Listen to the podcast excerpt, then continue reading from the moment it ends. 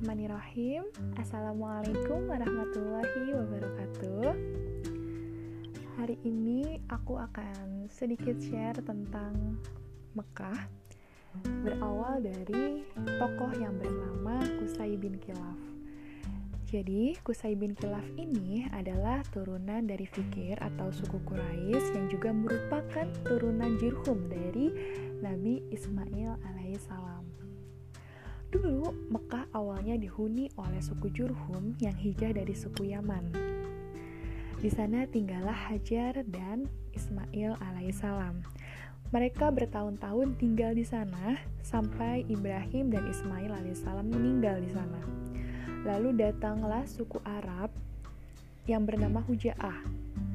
Lalu suku tersebut merebut Mekah dan akhirnya kekuasaan Mekah berpindah ke suku Kuza'ah.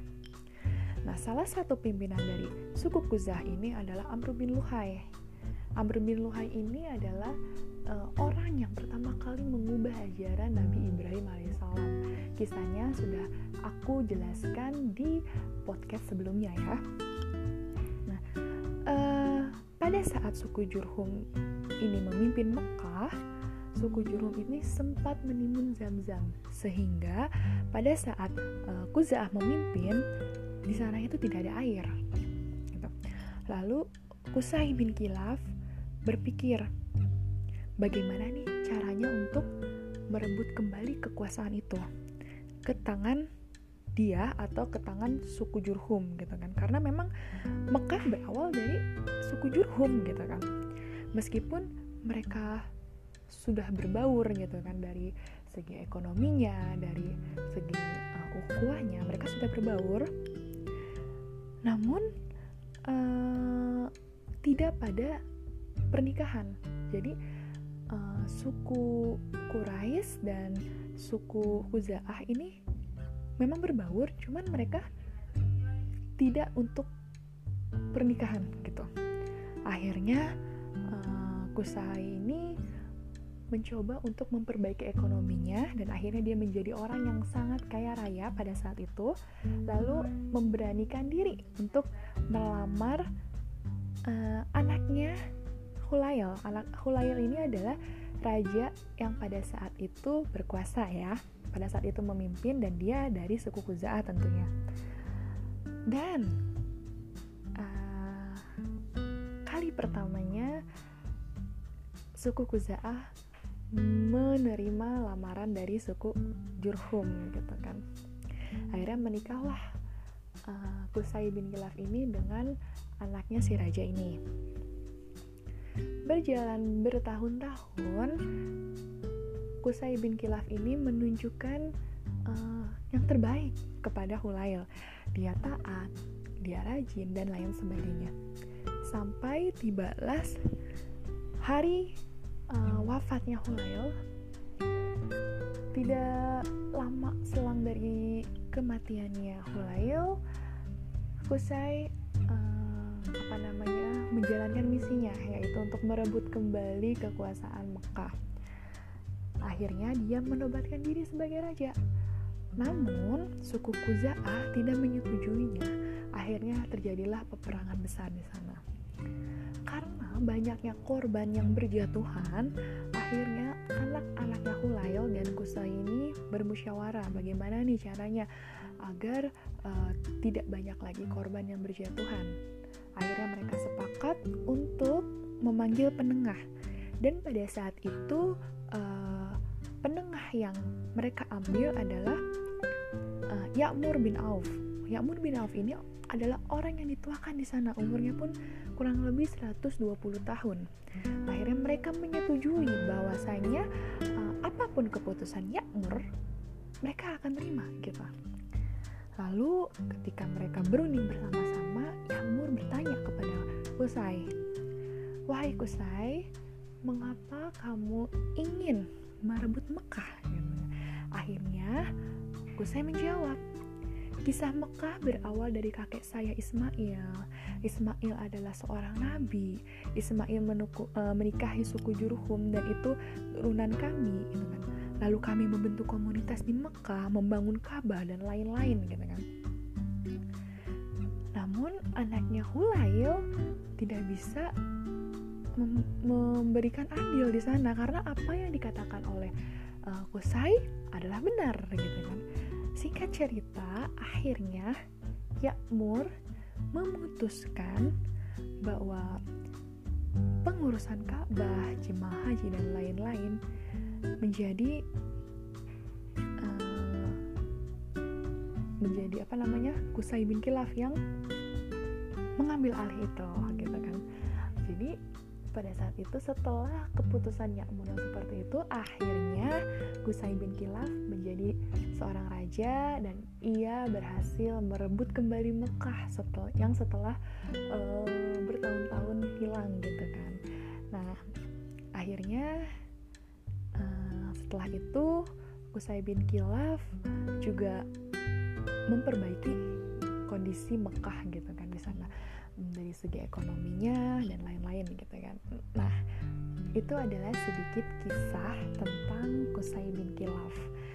Nextnya nanti aku akan insya Allah jika Allah izinkan nanti aku akan share yang lebih mendalam lagi tentang ini.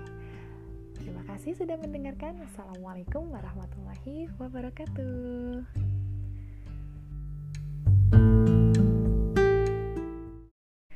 Bismillahirrahmanirrahim. Assalamualaikum warahmatullahi wabarakatuh. Hari ini aku akan sedikit share tentang kisah unik jual belinya Darul Nadwa. Darul Nadwa ini adalah sebuah auditorium yang dibangun oleh Kusai bin Kilaf ketika uh, ia sudah berhasil merebut kembali Mekah dan ia menduduki raja di sana. Lalu ia membangun Darul Nadwa gitu kan ya Uh, wallahu alam untuk kapasitasnya berapa itu tidak disebutkan. Namun yang digambarkan adalah Daruna 2 ini adalah tempat yang sangat besar gitu.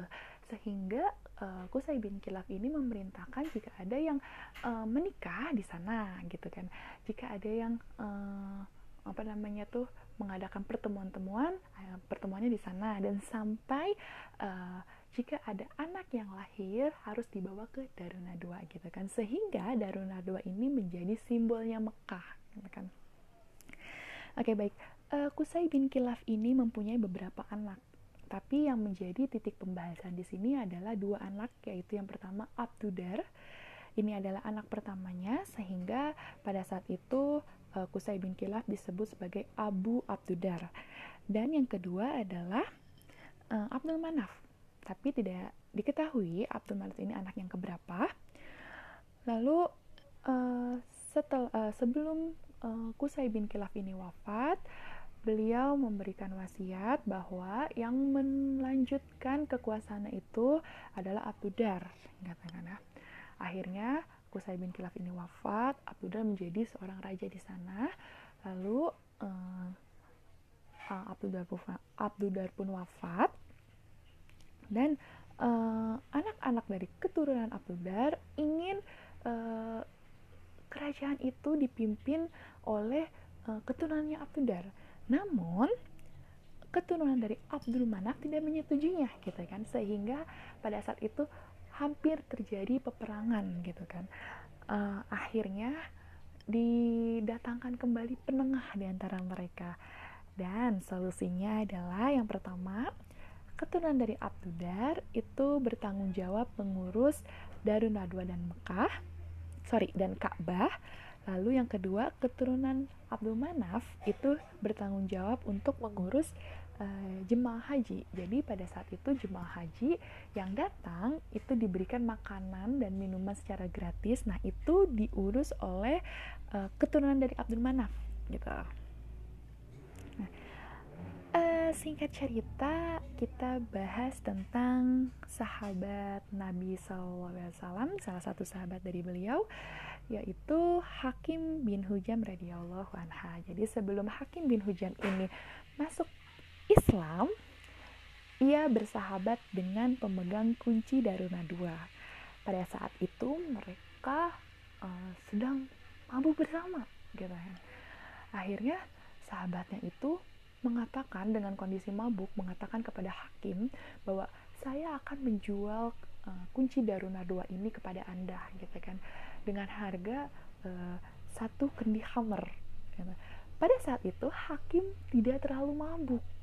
Akhirnya hakim mendatangkan beberapa saksi lalu uh, dibelilah kunci Darun Nadwa itu dengan satu kendi hammer sehingga keturunan Abdudar ini kehilangan tanggung jawabnya untuk Darun Nadwa uh, Hakim bin Hujam ini hidup sampai zamannya Utsman sampai zamannya Ali dan hingga zamannya khalifahnya Muawiyah gitu ya. Muawiyah ini adalah anaknya dari Abu Sofyan. Abu Sofyan ini merupakan seorang uh, waktu itu tuh seorang petingginya Mekah ya pada saat itu ya. Nah, uh, akhirnya singkat cerita Hakim bin Hujam ini menjual uh, kunci Darun Nadwa ini kepada Muawiyah. Namun Muawiyah bertanya kepada Hakim, "Wahai Hakim, engkau pemilik kunci ini dan ini dan engkau adalah uh, pemilik salah satu peninggalan orang yang mulia di sini gitu kan. Bagaimana kau bisa menjualnya? gitu. Akhirnya hakim ini uh, berkata kepada Muawiyah wahai Amril Muminin kita sekarang adalah seorang muslim gitu yang uh, menilai mulia atau tidaknya bukan peninggalan dari Kusai bin Kilaf tapi kita adalah pengikut Nabi SAW. Demi Allah, dulu aku membeli kunci ini dengan satu kendi hammer. Dan sekarang saya akan menjual kunci ini dengan 100 ribu dinar.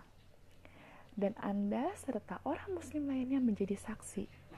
Demi Allah, hasil penjualan kunci Darun Nadwa ini akan aku sedekahkan seluruhnya di jalan Allah. Masya Allah.